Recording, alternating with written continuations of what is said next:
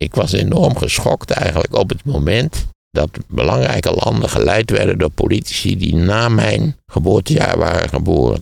Dit is toch, daar hier kun je nou merken dat ik ben ingehaald door de tijd. Het verlossen, kunt u mij horen?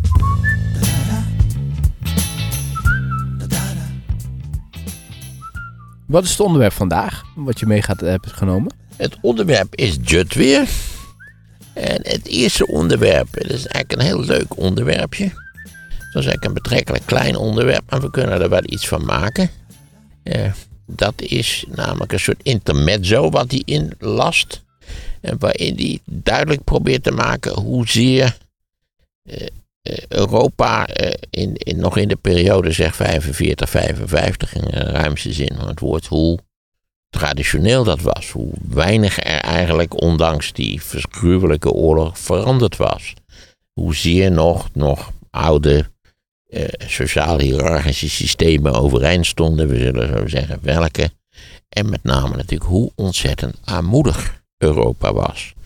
En dan was Nederland natuurlijk nog een, wij komen daar in die tekst verder helemaal niet voor. Maar Nederland was natuurlijk nog een van de rijkere Europese landen. Maar ik kan natuurlijk wel, ja, die tijd was schaal en armelijk, ook in Nederland. Dus ja, moet je je voorstellen hoe dat was op pak een beet, het Italiaanse platteland. Of, of op het Franse platteland. Ik bedoel, ik zwijg nog even van Spanje. Uh, dat waren landen, zeker Zuid-Italië en Spanje, waren landen die nog, nog grotendeels een soort van derde wereldlanden waren. Ik, bedoel, ik ben zelf in, wanneer was het, in 63 in Griekenland geweest, wat voor zover ik het kon zien, nog steeds grotendeels een derde wereldland was. Als er één land ongelooflijk veel te danken heeft aan de Europese Unie, dan is het wel Griekenland. Al denkt ook niet iedereen daar op dezelfde manier over. Maar stel je voor wat voor wereld het was. Nou, wij thuis hadden geen tv. Wij hadden geen radio. Mijn moeder had geen wasmachine. Dat wil zeggen, dus je, je moest die tijden met die was, die moesten opgetild worden. Mijn moeder had aanvankelijk een tweepits gasstel. Dan zul je zeggen, leden jullie armoe of zo in die jaren? Nee, mijn vader had een keurige betrekking bij de plantenziektekundige dienst in Wageningen. Maar het was een hele armelijke bedoeling. Niet waar? En ook allerlei traditionele systemen stonden nog overeind. De kerken waren nog de kerken. Heel veel Nederlanders denken op dit moment hebben geen flauw idee hoe totaal anders in feite eh, niet alleen Nederland, maar in het bijzonder ook al die andere Europese landen waren in deze periode. En als dan de economische groei start, ja, dan, eh, dan, dan, gaan er, dan veranderen dingen betrekkelijk snel. Maar dan zit je toch al ruimschoots in de tweede helft van de jaren 50.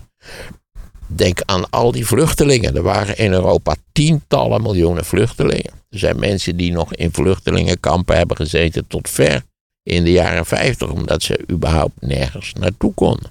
Denk aan de nog dominante macht van de Rooms-Katholieke Kerk bijvoorbeeld. ook in Nederland was, was dat uh, uh, een heel normale zaak. Dat die kerkelijke hiërarchie die stond nog volledig overeind. Mensen kwamen naar de kerk.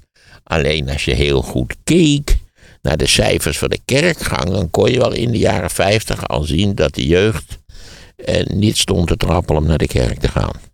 En dan zie je dat, in, dat trekt door in de jaren 60 en dan ja, stort in feite dat hele institutionele apparaat van de kerk in Nederland, dat stort in elkaar.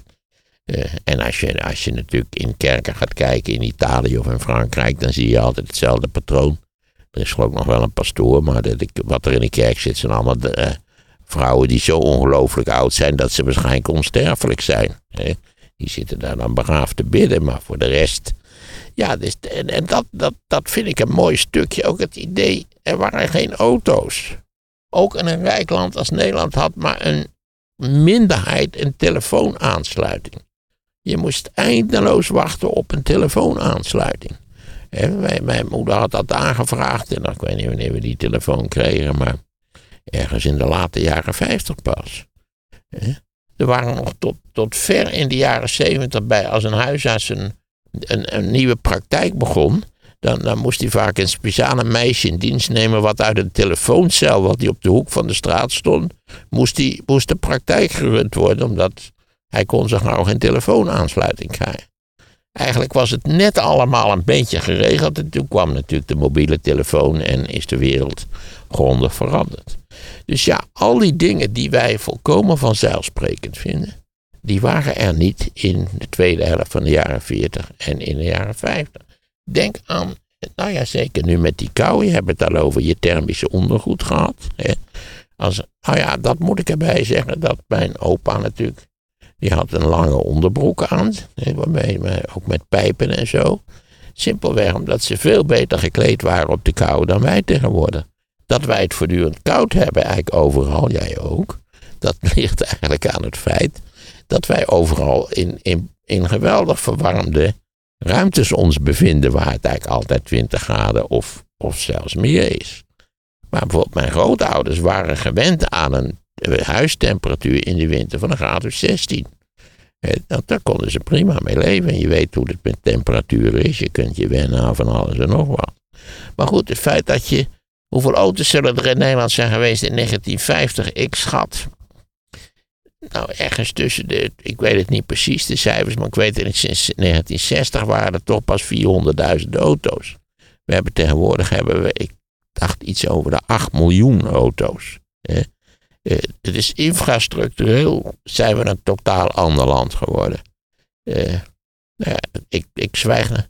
Als je, laat ik mezelf, en ik, ik was geen slachtoffertje of zo, wat ik al zei, wij leden absoluut geen armoede. Ik ben in de jaren zestig, zeg maar tot ik ging studeren, ben ik vijfmaal, ik heb het geprobeerd dat, op te tellen, ben ik vijfmaal naar de bioscoop geweest. Dat was wel een van de meest interessante ontwikkelingen na de Tweede Wereldoorlog. De bioscoop die was al populair voor de Tweede Wereldoorlog, maar ook elk Italiaans dorp, bij wijze van spreken, had een bioscoop. De vraag was, wat moest je daar precies draaien? Want natuurlijk, ja, de grootste producent van films. Ja, het is tegenwoordig ook India als ik wel heb, maar die Indiaanse films, dus je weet, die zijn, die zijn eigenaardig. Die, die, onttrekken zich enigszins aan, aan, laten we zeggen, de culturele clichés die in onze hersens gebrand zijn. Dus het ging vooral over Amerikaanse films. Die natuurlijk een totaal ander beeld gaven van de wereld dan, dan die arme tierige zooi in, in Europa. Omdat Amerika eigenlijk al voor de Tweede Wereldoorlog, niet wat is, de sprong gemaakt had, althans de middenklasse, naar het soort van wereld waar wij nu in leven. De eerste grote verkeersopstopping in Californië, dat is al in 1927 of zo. Hè. Daar komt natuurlijk de grote crisis tussen. Dat, dat speelde natuurlijk ook een rol, ook in Amerika.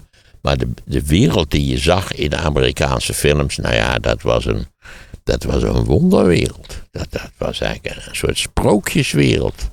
En vandaar ook, en, en ze waren ook altijd bang dat, dat zeker ook de, de, traditionele instituties, neem bijvoorbeeld weer de Rooms-Katholieke Kerk, dat allerlei zondigheden die in die films voorkwamen, die Amerikaanse films, dat die, dat die slechte uitwerking zouden hebben op de, nou ja, op de misschien nog wat primitief denkende eh, bevolking. Dus op tal, in tal van Europese landen eh, bestonden er quota's voor Amerikaanse films.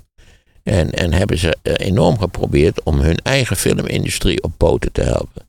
En je weet dat met name de Franse en de Italiaanse filmindustrie natuurlijk enorm gebloeid hebben.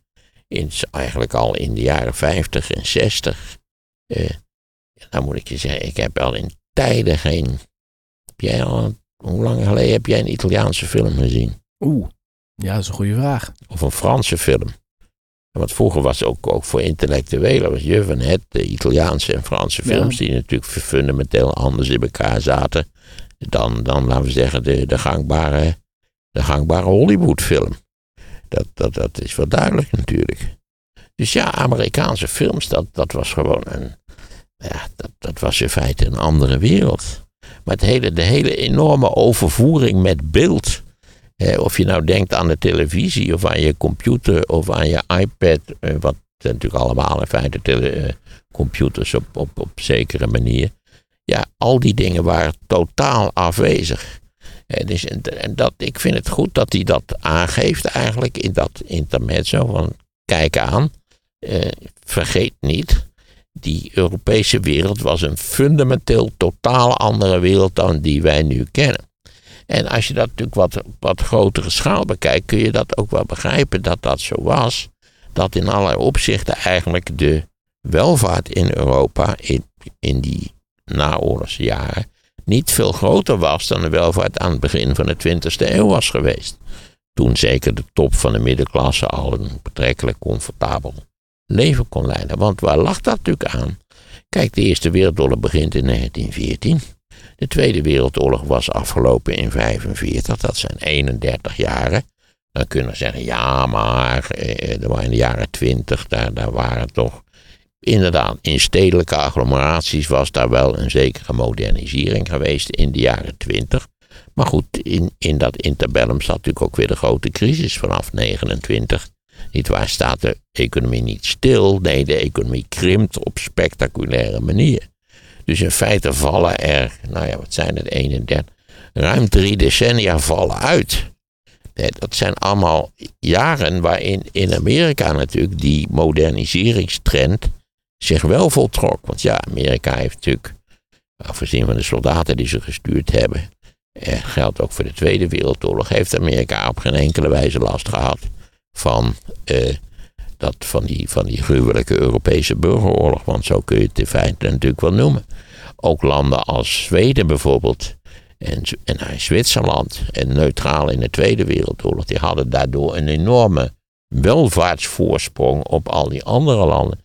Als je denkt aan de immense verwoestingen, ook in een land als Nederland, honderdduizenden woningen gesneuveld waren. En we hebben eindeloos lang hebben we in Nederland uh, woningnood gehad. Uh, weliswaar leven wij in een zodanig uniek land dat ze nadat we makkelijk de woningnood hadden kunnen oplossen, het zo georganiseerd hebben dat er nog steeds woningnood is. Wat dat betreft is er is sinds 1945 niet zoveel veranderd.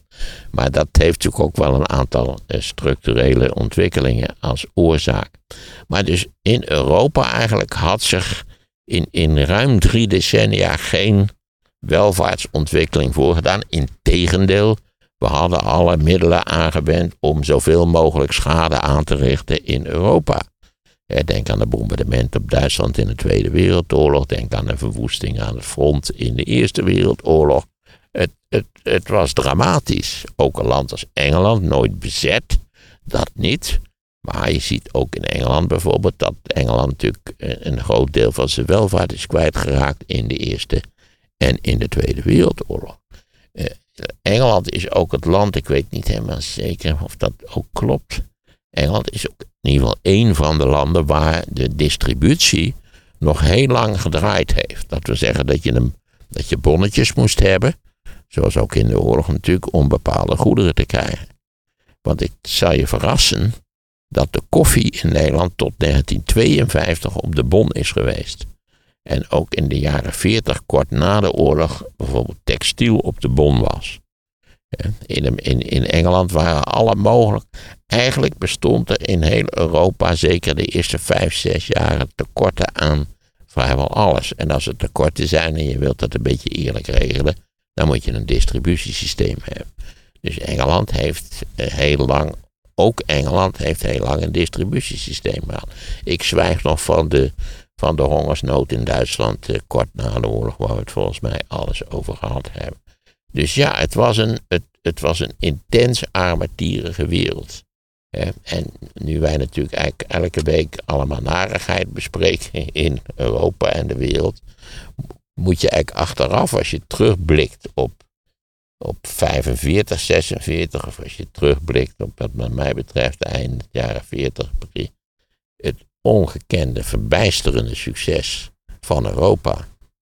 Ook van China, maar goed, dat als je kijkt naar Europa zoals het erbij lag in de jaren 40, dan moet je toch zeggen, ja, dat is, nou, dat is eigenlijk wat we ervan gemaakt hebben, de omstandigheden, we zijn geholpen, dat ook nog, het zat ons mee, maar je kunt ook, waarschijnlijk kun je ook wel zeggen dat die, omdat die ontwikkeling, die economische, technologische ontwikkeling eigenlijk 30 jaar had stilgestaan, hadden we, eh, dat is waarschijnlijk de hoofdoorzaak van die gouden jaren. let, let 30 glorieuze, zal ik nou maar even zeggen. Eh, dat was omdat het stil had gestaan. En toen ineens kon het. En dan moet je natuurlijk ook nog zeggen dat, en dat is dan het tweede stuk, het volgende hoofdstuk eigenlijk. En dat is dat die eh, duidelijk maakt dat je in de naoorlogse jaren, nadat, na de eerste onrust over de beginnende Koude Oorlog, en nadat de meest acute problemen van de nasleep van de oorlog waren opgelost, dat er natuurlijk in Europa sprake was van een enorme politieke stabiliteit. En ten onzin. Willem Drees, de oude Drees, nog steeds voor, mij, voor heel veel mensen een soort gouden figuur. Eh, als Drees toch eens terugkwam, dat, dat, dat zou Nederland. Ja, dat zou Nederland wel eens uit de problemen kunnen helpen. Maar de kans dat Drees terugkomt is niet zo groot. Omdat natuurlijk ook de constellatie waarin Drees kon zijn wie die was en doen wat hij heeft gedaan, die bestaat natuurlijk al lang en breed niet meer. De politiek is ondertussen niet in alle opzichten, in gunstig opzicht, grondig veranderd. Bovendien natuurlijk de leiders van Europa, kort na de Tweede Wereldoorlog, waren allemaal bejaarden. Waren mensen eigenlijk die nog in de 19e eeuw geboren waren. Je kunt denken aan Attlee, de eerste de eh, Labour eh, prime minister na 45. Maar daarna komt Churchill nog weer aan slag. Nou, Churchill was, ik weet niet precies, maar ik schat van 1875 of zo, kan er 18 74 zijn geweest.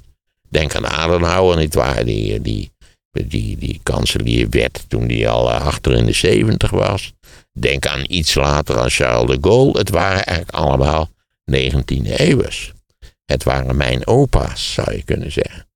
Ik moet ook zeggen, ja, dat is natuurlijk ook een generatie geweest die, die gelijk stond aan mijn vader. Maar ik, ik was enorm geschokt eigenlijk op het moment dat, er, dat eh, belangrijke landen geleid werden door politici die na mijn geboortejaar waren geboren. Dit is toch, daar hier kun je nou merken dat ik ben ingehaald door de tijd. Clinton 46 schat ik, jonge Bush 46. Kijk, pa Bush was van 24, dat, dat zit zo in de buurt van mijn vader. Dus dan, dan is het niet zo, niet zo raar, dan is het niet zo vreemd dat nu worden we natuurlijk geregeerd door, door alle mogelijk jong volk. Uh, denk aan een nieuwe uh, premier in Frankrijk.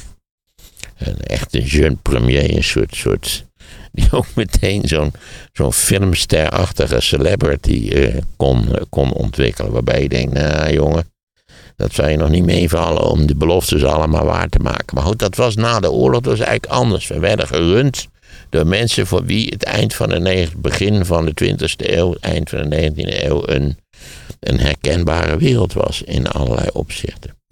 Al moet je natuurlijk, als je daar nog wat ruimer neemt, die, uh, maakt het, uh, laten we zeggen, het beeld, uh, maak je nog wat meer in de, met de groothoeklenzen, moet je natuurlijk zeggen dat een groot deel van die technologische ontwikkelingen die vervolgens na, zeg 55 of vanaf de Tweede Wereldoorlog onze wereld op, op een grondere manier veranderd hebben. Dat dat natuurlijk eh, allemaal te danken was aan uitvindingen die in de 19e eeuw gedaan zijn. Nou, dan moeten we eigenlijk nog iets zeggen over die stabiliteit. Want die stabiliteit is natuurlijk niet alleen het product van al die bejaarden die ons bestuurden in Europa. Die stabiliteit is ook eh, in feite een product van de strategische verhoudingen. Want we hebben uitgebreid die ontwikkeling in Duitsland besproken, als ik het me goed herinner. En eh, nou ja, wat was de toestand waarin Duitsland. Duitsland was natuurlijk in allerlei opzichten de hete aardappel van, van de strategische verhoudingen en van de wereldpolitiek zelf. Duitsland had rekening ook die oorlog veroorzaakt. En eigenlijk was nu een wonderlijke toestand ingetreden. We hebben het daar uitgebreid over gehad. Dat Duitsland eigenlijk in tweeën gesplitst was. Er waren nu twee Duitslanden. En feitelijk kun je zeggen dat, dat het bestaan van die twee Duitslanden een heel sterk stabiliserend effect had. Want eh, iedereen was enorm blij dat Duitsland uit twee stukken bestond. Uh, Want er waren ze mindere bedreiging of zo. Precies. Eh, dat, dat maakt natuurlijk toch een groot verschil. Als je even kijkt naar de Bondsrepubliek en je kijkt vervolgens naar een kaartje van Duitsland in de late jaren 30, dan denk je, hoe, hoe, hoe, dat is nog wel een vrij kapitaal verschil. Ja. Want natuurlijk, de DDR was een zelfstandige staat geworden na analogie van het feit dat de Bondsrepubliek Duitsland in het Westen een zelfstandige staat was geworden. Van de NATO-wet, wat is het doel van de NATO? Was to keep the Americans in, to keep the Russians out and to keep the Germans down. En nou, dan heb je een perfecte samenvatting van de NATO. En Jut merkt ook op, en ik denk dat dat terecht is, dat ook de Russen eigenlijk wel tevreden waren met het feit dat de Bondsrepubliek Duitsland in feite beheerst werd. Ja, je kunt niet zeggen dat de Amerikanen bezetters waren, want ze waren van harte welkom en dan ben je, wat minder een bezetter. Maar dat de feit dat er natuurlijk in, in uh, West-Duitsland uh, een gigantische Amerikaanse legermacht aanwezig was, plus nog een gigantische Engelse legermacht. En zij deelden de lakens ook uit, ja, toch? want ook, ook Engeland had zich verplicht om militair aanwezig te blijven. En natuurlijk in de DDR stonden, weet ik het, 400.000 Russische troepen of zoiets dergelijks. Dus dat, dat die angst die natuurlijk bij velen had bestaan over een revival van Duitse ambities en agressie, die was eigenlijk, daar begreep iedereen van, dat zit er niet meer in. He? Niet alleen was Europa in tweeën gedeeld, maar Duitsland was in feite in tweeën gedeeld. Er was natuurlijk nog wel een puntje, daar kunnen we het dan in feite mee afsluiten, namelijk het ijzeren gordijn bestond. Nou, dat was moeilijk om daar doorheen te komen natuurlijk, maar er zat een gat in het gordijn. Er zat een enorm gat in het gordijn, namelijk in Berlijn. Want Berlijn was natuurlijk een stad die bezet was door vier bezettingsmogendheden: Fransen, Russen, Engelsen en Amerikanen. En eh, de afspraak was dat er verkeer was tussen de, de verschillende bezettingszones van de stad. En ook daar had je natuurlijk al heel snel gekregen toen de Bondsrepubliek tot stand kwam. Een westelijk West-Berlijn en Oost-Berlijn. Maar je kon van West-Berlijn naar Oost-Berlijn, van Oost-Berlijn naar West-Berlijn. En je begrijpt al hoe dit, hoe dit uitpakte in de jaren 50. Dat natuurlijk die, die Oost-Duitsers wel, wel vrij snel in het kregen dat je beter naar West-Duitsland kon vertrekken als je een aangenaam bestaan wilde leiden. En niet te zeer gehecht was aan je geboortestad, weet ik het, Leipzig of Dresden of Chemnitz of wat het, wat het precies was. En dan zie je dus dat eigenlijk al in 657, dan zijn al, heeft de DDR heeft al een kleine 20% van zijn oorspronkelijke bevolking verloren. Er zijn al 2,8 miljoen mensen van Oost-Duitsland naar West-Duitsland gegaan. Je begrijpt dat dat alleen mensen waren, dat werd ook gezegd toen, alleen een hele aantrekkelijke vrouwen gingen uit. Ja, dat was altijd een klacht in de DDR. Omdat die natuurlijk ja, aantrekkelijke jonge vrouwen kunnen komen, komen overal aan de slag, op wat voor manier dan ook. Uh, dat zal wel een rol hebben gespeeld. Maar ook natuurlijk uh, iedereen die wat geleerd had of die gestudeerd had, die vertrok als een scheet naar West-Duitsland, omdat dat natuurlijk ja, al, al heel snel het Wirtschaftswunder, het was een, was een wonder van welvaart. Ja, je over die tandartsen wel eens verteld. Ja. En uiteindelijk zijn ook de, de, de Fransen zelfs akkoord gegaan met het feit dat Duitsland natuurlijk herbewapend is. Dus dat er van in 55 besloten is. Dat, dit was natuurlijk al eerder was het al besloten, maar vanaf 55 nietwaar, wordt er gewerkt aan een Bundesweer. En eigenlijk gold voor de Fransen misschien nog wel sterker dan voor anderen. Dat ze dachten, nou ja, zolang Duitsland eigenlijk min of meer bezet is door de drie, de drie grote mogendheden, hoeven wij niet zo verschrikkelijk bang te zijn. En zodoende zijn de Fransen in feite akkoord gegaan met een Bundesweer die geloof ik maximaal mocht bestaan uit 500.000 man. En die bovendien be, beloven moest dat ze niet uh, hun toevlucht zouden nemen tot nucleaire wapens. Dat was ook wel een beetje een, een, een spookbeeld, zeker in Russische, aan de Russische kant. Voor die Duitsers ook weer een nucleair wapen. Nou ja, dan zouden dan zou er misschien de meest verschrikkelijke mogelijkheden zijn. Maar het was natuurlijk wel voor de Russen en eigenlijk voor de hele DDR een zaak van wat te doen met Berlijn. Omdat natuurlijk de DDR niet kon functioneren als in feite eh, jaarlijks honderdduizenden mensen vertrokken naar het westen. Eh, ik gaf altijd het voorbeeld van, nou ja, je studeert tandartsenij in Leipzig. Je bent klaar. Je bent een geschoold Duitse tandarts. Eh, je hebt een aardige vriendin. En met z'n tweeën neem je een enkeltje Berlijn. Je wandelt eh, door het. eh, eh, je, je wandelt naar West-Berlijn. En je kunt zo naar, naar West-Duitsland toe. West-Berlijn had wel. nee, nee, laat ik, laat ik eerst vertellen waarom. Hoe het tenslotte afgelopen is met Berlijn. Wat op een goed moment zegt Khrushchev, die is aan de macht gekomen in, in de Sovjet-Unie. Uiteindelijk na de dood van Stalin, na einde gerommel daar en doodschieten van Beria, is Khrushchev aan de macht gekomen. En in, ik denk in 57, 58 zegt Khrushchev, ja, wij staan er toch op dat die hele kwestie Berlijn, dat die geregeld wordt.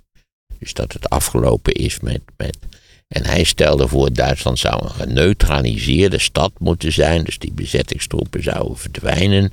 En in, en in principe, als dat niet zou kunnen, als Berlijn niet geneutraliseerd zou worden, dan zou die de DDR zeggenschap over Berlijn geven. En dan kon hij verder niet garanderen wat er verder zou gebeuren. Nou ja, toen is er, aanvankelijk is toen gezegd van, nou oké, daar moeten we over praten. En toen is men tot de conclusie gekomen en zou een topconferentie worden gehouden in Parijs. En daar zou de Berlijnse kwestie zou geregeld worden. Maar in de aanloop naar de topconferentie in Parijs, misschien heb ik het alles verteld, werd er boven de Sovjet-Unie een Amerikaans spionagevliegtuig neergeschoten. De zogezegde U-2, een fantastisch toestel. Laat iedereen het even op het internet opzoeken.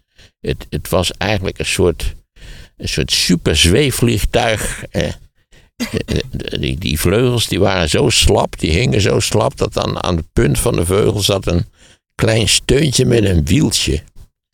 Ja, dat is ook in dat, ik heb ook Duxford alles een keer gezegd, als dat militair museum in uh, luchtvaartmuseum in Engeland. En daar hebben ze ook een U2. Ga kijken, het is de moeite waard. Ook een B-52, dat is nog weer heel iets anders. Maar uh, die U-2 was neergeschoten, die had motorpech. Normaal vloog de U-2 zo hoog dat die onbereikbaar was voor uh, afweerraketten van de Russen en afweergeschut sowieso. Ik weet niet, op 30 kilometer hoogte of zo. Er zal wel iemand thuis zeggen. Hoe is het mogelijk dat we ons hem niet precies weten hoe hoog dat ding vloog? Maar in ieder geval verrekte hoog. Daar kwam het de grote trekken op. Ook hoger dan tegenwoordig uh, de meeste verkeersvliegtuigen vliegen. Hij had motorpech, vloog dus uh, iets lager en was daardoor kwetsbaar. Hij werd niet geraakt op zichzelf, maar is wel neergestort. Um, en wat natuurlijk de Amerikanen dachten, die piloot die erin zat, die is dood. Want de Russen hadden niet gezegd dat ze een piloot te pakken hadden gekregen.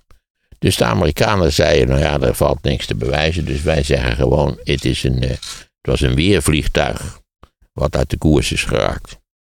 Overigens zijn hele amusante verhalen van de eerste momenten, een paar jaar daarvoor, dat, er, dat die U-2 over Rusland begon te vliegen. En dat de Russen dat ding natuurlijk op de radar zagen.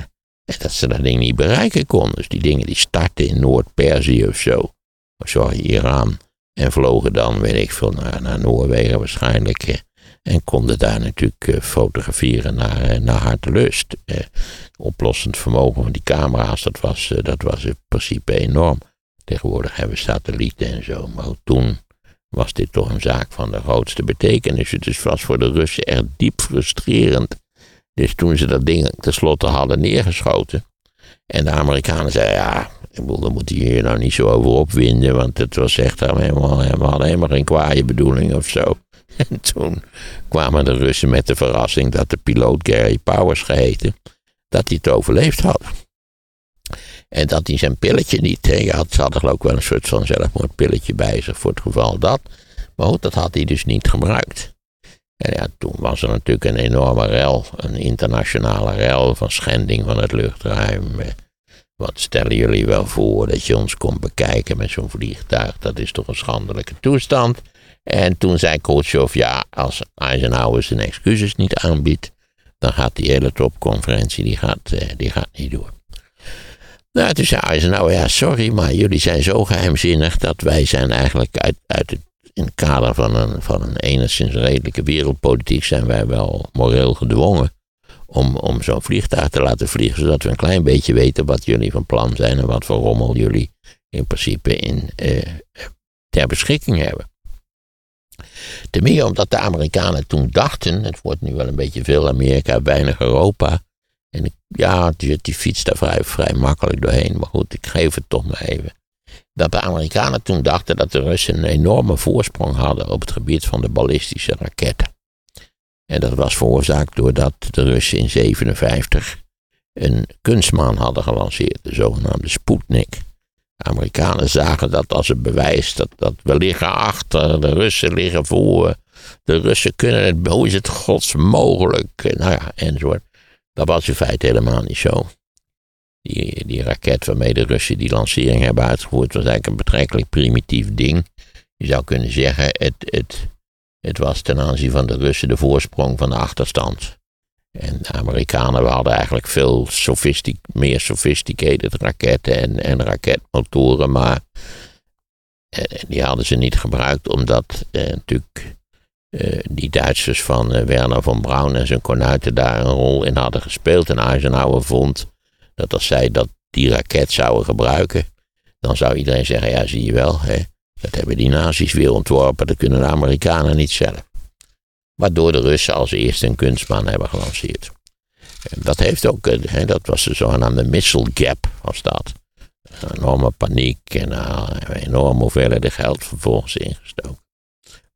Tegelijkertijd natuurlijk, eh, dat is het wonderlijke van die enorme stabiele, rustige situatie eigenlijk van die jaren, was er natuurlijk een, een, een volkomen krankzinnige wapenwetloop begonnen tussen de Sovjet-Unie aan de ene kant en de Amerikanen aan de andere kant.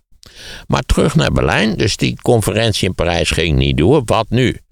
En Khrushchev dacht, ik wacht op de volgende, de nieuwe president, Kennedy. Maar goed, ook, ook Kennedy hield de poot stijf, had een hele onaangename ontmoeting tussen Kennedy en Khrushchev in Wenen. En dan eh, is het evident dat de, Oost-Duitsers tegen de Russen hebben gezegd van ja, eh, er, er komt niks van. Eh, Berlijn wordt niet geneutraliseerd.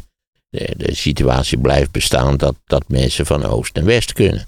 Dus hoe, hoe kunnen we daar blijvend een eind aan maken? De muur. Niet waar? Dan heet het ook weer de antifascistische Schutzwal, werd dat in de DDR genoemd. Nou ja, in augustus 61 wordt de muur gebouwd en dan is het laatste gat in het ijzeren gordijn is gedicht. Toen was in die jaren was Willy Brandt, de latere bondskanselier, die was eh, burgemeester van Berlijn. En die was woedend dat, dat het Westen niet veel harder had gereageerd. Maar feitelijk zie je in het Westen, en waarschijnlijk ook aan de Russische kant natuurlijk, zeker ook aan de kant van de DDR, iedereen was eigenlijk heel tevreden met die muur. Want die muur had een stabiliserend effect. In de zin dat bij afwezigheid van de muur de DDR eigenlijk een volkomen instabiel staatje was. Maar nu kon daar ook niet waar, omdat je er niet meer uit kon. Dat we zeggen, tal van mensen, zoals je weet, hebben geprobeerd om eruit te komen met vrachtwagens door de prikkeldraad te rijden, met luchtballonnen, met ondergrondse gangen. Het is, het is, een, het is eigenlijk tragisch. Als er nou iets tragisch is eigenlijk, dan is het dat, dat uh, de communistische systemen die toch bedacht waren, die in, in principe toch wortelden in het 19e eeuwse idee dat het proletariaat, en met name het industrieel proletariaat, eindelijk bevrijd zou worden en eindelijk in, in fatsoen en vrijheid zou kunnen leven. Niet waar dat dat geleid heeft tot de grootste gevangenissen ter wereld. De Sovjet-Unie was een gevangenis. De DDR, als je de DDR een beetje bekijkt, dan zie je dus dat de DDR gewoon een een gevangenis als nazi was. Het, het, het hele systeem was georganiseerd zodanig dat het in feite de, de effecten van een gevangenis had. Je kon er niet uit.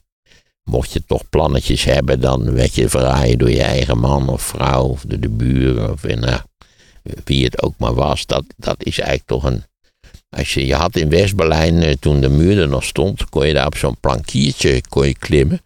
Kon je over de muur heen kijken. Dan zag je eerst die, die zone niet waar, uh, waar ze die mijnen hadden gelegd en zo. En het prikkeldraad stond. Het was wel leuk dat daar enorm veel konijnen waren.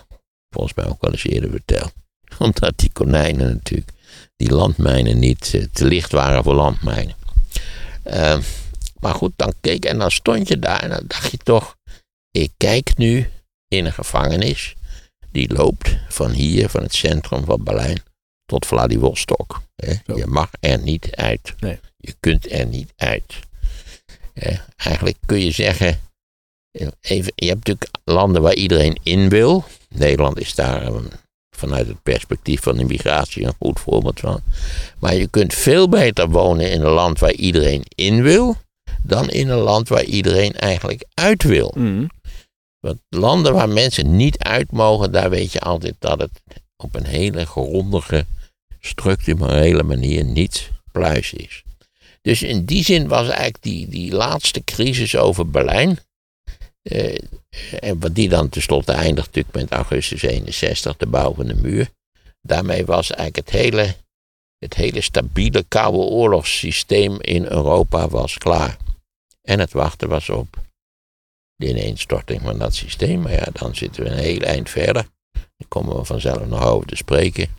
Want in 89 is het tot ieder stomme verwondering in een enorm tempo in elkaar gestort.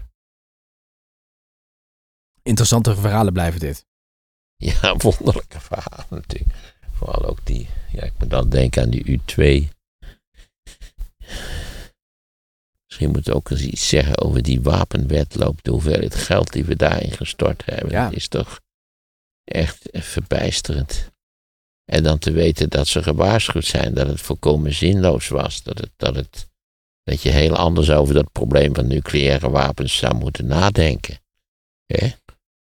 Want ja, die, die, die, die arme, nerveuze Oppenheimer die we in die film hebben gezien. Wat hij erover te melden had. Hij had het grootste gelijk van de wereld. Je hebt hem gezien inmiddels, hè? Dat Ja, ik heb hem inmiddels gezien. Ja, ik had toch verteld? Heb je verteld, ja zeker. Ja, het viel me een beetje Ja. tegen. Maar goed, het kwam dat je er zoveel over had gelezen en gehoord. Ja. Dat je dan je verwachtingen weer te hoog gespannen zijn. Eigenlijk zijn de leukste dingen die je overkomen, is dat mensen zeggen, nou, dat is eigenlijk niks aan, dat is waardeloos en enzovoort. En dan denk je toch, ik zal eens even kijken. En dat het ontzettend leuk is. Dag Maarten, ik luister al vanaf het begin naar je toppodcast. De VVD in de Eerste Kamer die tegenstemt, ze hoort het toch? De Eerste Kamer moet toch onafhankelijk de Tweede Kamer controleren en niet als makklapvee met de Tweede Kamer meestemmen? Mhm. Dat zegt eh, Mark de Kok. Al, al moet ik zeggen dat ik in het verleden wel eens heb gezegd dat ik het eigenlijk helemaal niet zo'n geweldig idee vond dat, eh, dat de Eerste Kamer eh, heel actief meeregeerde. En dat de Eerste Kamer toch eigenlijk de bedoeling had de bekende chambre de réflexion te zijn. En dat de Eerste Kamer vooral eigenlijk moest toezien op de, de nogal slordige en haastige wetgeving die de Tweede Kamer geneigd is te produceren. Maar in dit geval, ik geef toe, het is nogal opportunistisch mijnerzijds, maar ik ben blij dat de VVD in de Eerste Kamer zo gestemd heeft als ze gestemd heeft. Maarten, bedankt voor je leuke podcast en scherpe politieke analyses. Ik heb recent de historische roman van ehm, Ilja Leonard Pfeiffer gelezen over de ondergang van de Atheense de- democratie. De gelijkenissen met onze huidige democratie vond ik treffend, maar ook verontrustend. Ik vroeg me af of jij dat boek ook hebt gelezen en wat je ervan vond. Denk je dat de westerse democratie in verval is? Ben je het ook met Pfeiffer eens dat de Nederlandse democratie een eh ochlocratie is geworden? Wat denk je dat hierna gebeurt? Zal de democratie worden vervangen door een andere staatsvorm? Ik ben heel benieuwd. Wat is een ochlocratie? Dat gaan we opzoeken. En nou ja, dat is nogal een vraag. Hè? Dat is een, een- kijk, een feit is dat democratische systemen zoals ze bestonden in, in, de, in de oudheid, dat die geen van alle overleefd hebben. En dat die allemaal in een fase raakten waarbij eigenlijk, eh, eh, nou ja, eh, volksmenners eh, eh, de, macht, de macht hebben overgenomen. Ja. En feit is natuurlijk dat we weten dat ook nu nog een groot deel van de kiezers heel gevoelig is voor volksmenners, mensen die onbeschrijfelijke kletspraat verkopen. Nou ja, de hele, de hele 20e eeuw is, is in allerlei opzichten een, een praktisch voorbeeld van de gevaren eh, die elke democratie loopt.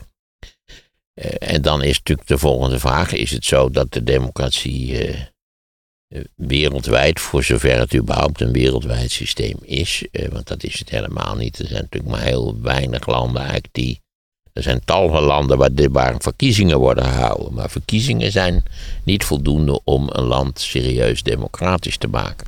Daarvoor heb je wel een, nou, een beetje een historische ontwikkeling nodig. En eh, alle moeten op groen staan. eh, het, moet wat dieper steken. Mensen moeten eraan gewend zijn. Nou, eh, stap voor stap ontwikkeld zijn. Er moet een besef zijn van, van een rechtsstatelijkheid in een land. eh, de, de grondwet moet geven. Nou, de bekende verhalen in feite. Ja, zoveel landen zijn er niet die daar aan die eisen voldoen. Dan zit je toch ook wel in allerlei opzichten in West-Europa. In grote trekken. Eh, en je ziet natuurlijk in de Verenigde Staten, je ziet ook in Latijns-Amerika hoe moeilijk het daar gebleken is om een enigszins normale democratie op te tuigen. Dat is eh, bij mijn weten eh, maar heel weinig gelukt in Latijns-Amerika. En ik zwijg van de ellende in Azië op dit, op dit punt. Ik ben, het kan allemaal nog veel slechter worden als het is, maar ik ben niet helemaal overtuigd van het idee dat de democratie in de landen waar die aan die voorwaarden voldoet, waar die ik daarnet geschetst heb, op sterven na dood is. Dat geloof ik niet. Ik denk toch dat er nog wel een reservoir is van, van, van geloof in, in de democratie, in, in constituties, in rechtsstatelijke beginselen. Eh, niet voor niks eh, vinden we het moeilijk om, om met Geert iets serieus politiek, politieks te ondernemen. Terecht eh, hebben we daar grote problemen mee. Maar je ziet aan een land als de Verenigde Staten, waarvan we toch eigenlijk allemaal vonden, zeker na de Tweede Wereldoorlog, dat het een perfecte democratie was, dat dat ook, ook onder omstandigheden tegenzit. Als er scheuring ontstaat in zo'n samenleving die, die eigenlijk op allerlei niveaus eh, werkt, die, laten we zeggen, zowel sociaal-economisch is als cultureel of religieus, dan zie je natuurlijk dat de democratie eigenlijk in no time in enorme problemen raakt, zoals in de Verenigde Staten. Dus ja, je moet hopen dat de, Verenigde, dat de democratie in de Verenigde Staten Trump gaat overleven. Ik denk, en je ziet, optimistisch als altijd, denk ik dat de Verenigde Staten het toch Trump gaat overleven. Ook als hij nog vier jaar president wordt. Het Amerika, is zo'n complex land. Er zijn zulke grote verschillen tussen de staten. Staten hebben zulke omvangrijke bevoegdheden. We hebben nog stedelijke eh, eh, eh, politieke eenheden. Ik wil er niet al te pessimistisch over zijn. Maar de schade die iemand als Trump aanricht. De schade die iemand als Erdogan aanricht. Of Orbán. Nou ja, we hebben ze allemaal al talloze malen genoemd. Is enorm. Ja, je ziet ook nu in Polen hoe moeilijk het is om terug te draaien. Wat die godvergeten pispartij eh, heeft aangericht daar. Een ochlocratie is een eh, staatsvorm waarbij de bestuurlijke autoriteit gehandhaafd wordt door de opvattingen van de menigte. Vanwege de negatieve connotatie als ontaarde vorm van democratie wordt zij in het Nederlands ook wel heerschappij van het gepeupel genoemd. Ja, ja, ja, precies. Oké. Ja, dat, dat gevaar, daardoor wordt de democratie bedreigd. Ja, dat, dat mensen zich laten misleiden door, eh, door volksmenners, wat ik daarnet al zei. Nou ja, het klassieke geval is natuurlijk, is natuurlijk eh, Nazi-Duitsland. Al moeten we daar natuurlijk, we moeten iets toevoegen. En dat is wel van belang. Heeft Hitler ooit, heeft de NSDAP ooit 51% van de stemmen behaald bij vrije verkiezingen? Nee. Het maximum is, eh, ik weet niet wat het precies is, maar het is iets in de orde van 34% geweest. Ergens tussen de 32 en de 34% in het najaar van 1932. Maar Hitler is uiteindelijk aan de macht geholpen, over de laatste drempel geho- geholpen, door de elite. Door de conservatieve Duitse elite die zich had voorgenomen om de Weimarrepubliek op te blazen.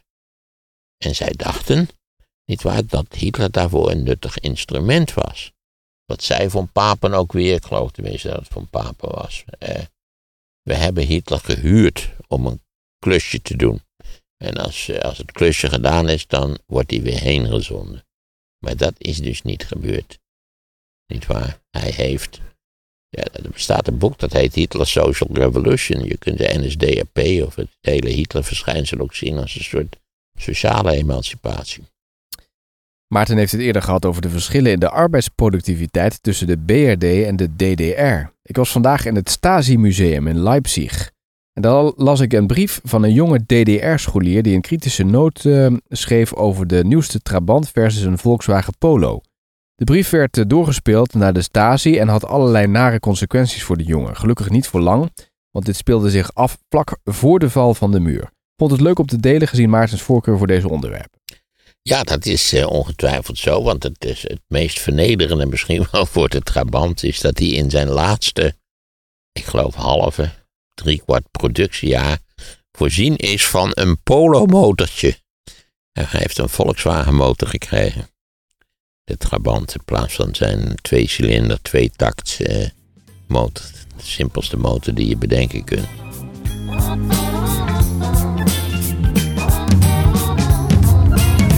Hoe is het gods mogelijk? Echt fout is dus dat we de dijken doorsteken. Dat is echt fout. Heb je de live podcast over het populisme gemist? Ik acht trouwens de PVV tot alles in staat, maar. Zeker wanneer ze lezen dat de meeste moslims niet kunnen zwemmen. Luister hem nu terug via de link in de show notes. En na de AI-revolutie krijgen we de kwantumrevolutie. Daarover hoor je meer in de podcast Sea Level. Klik op de link in de show notes om direct naar de podcast te gaan.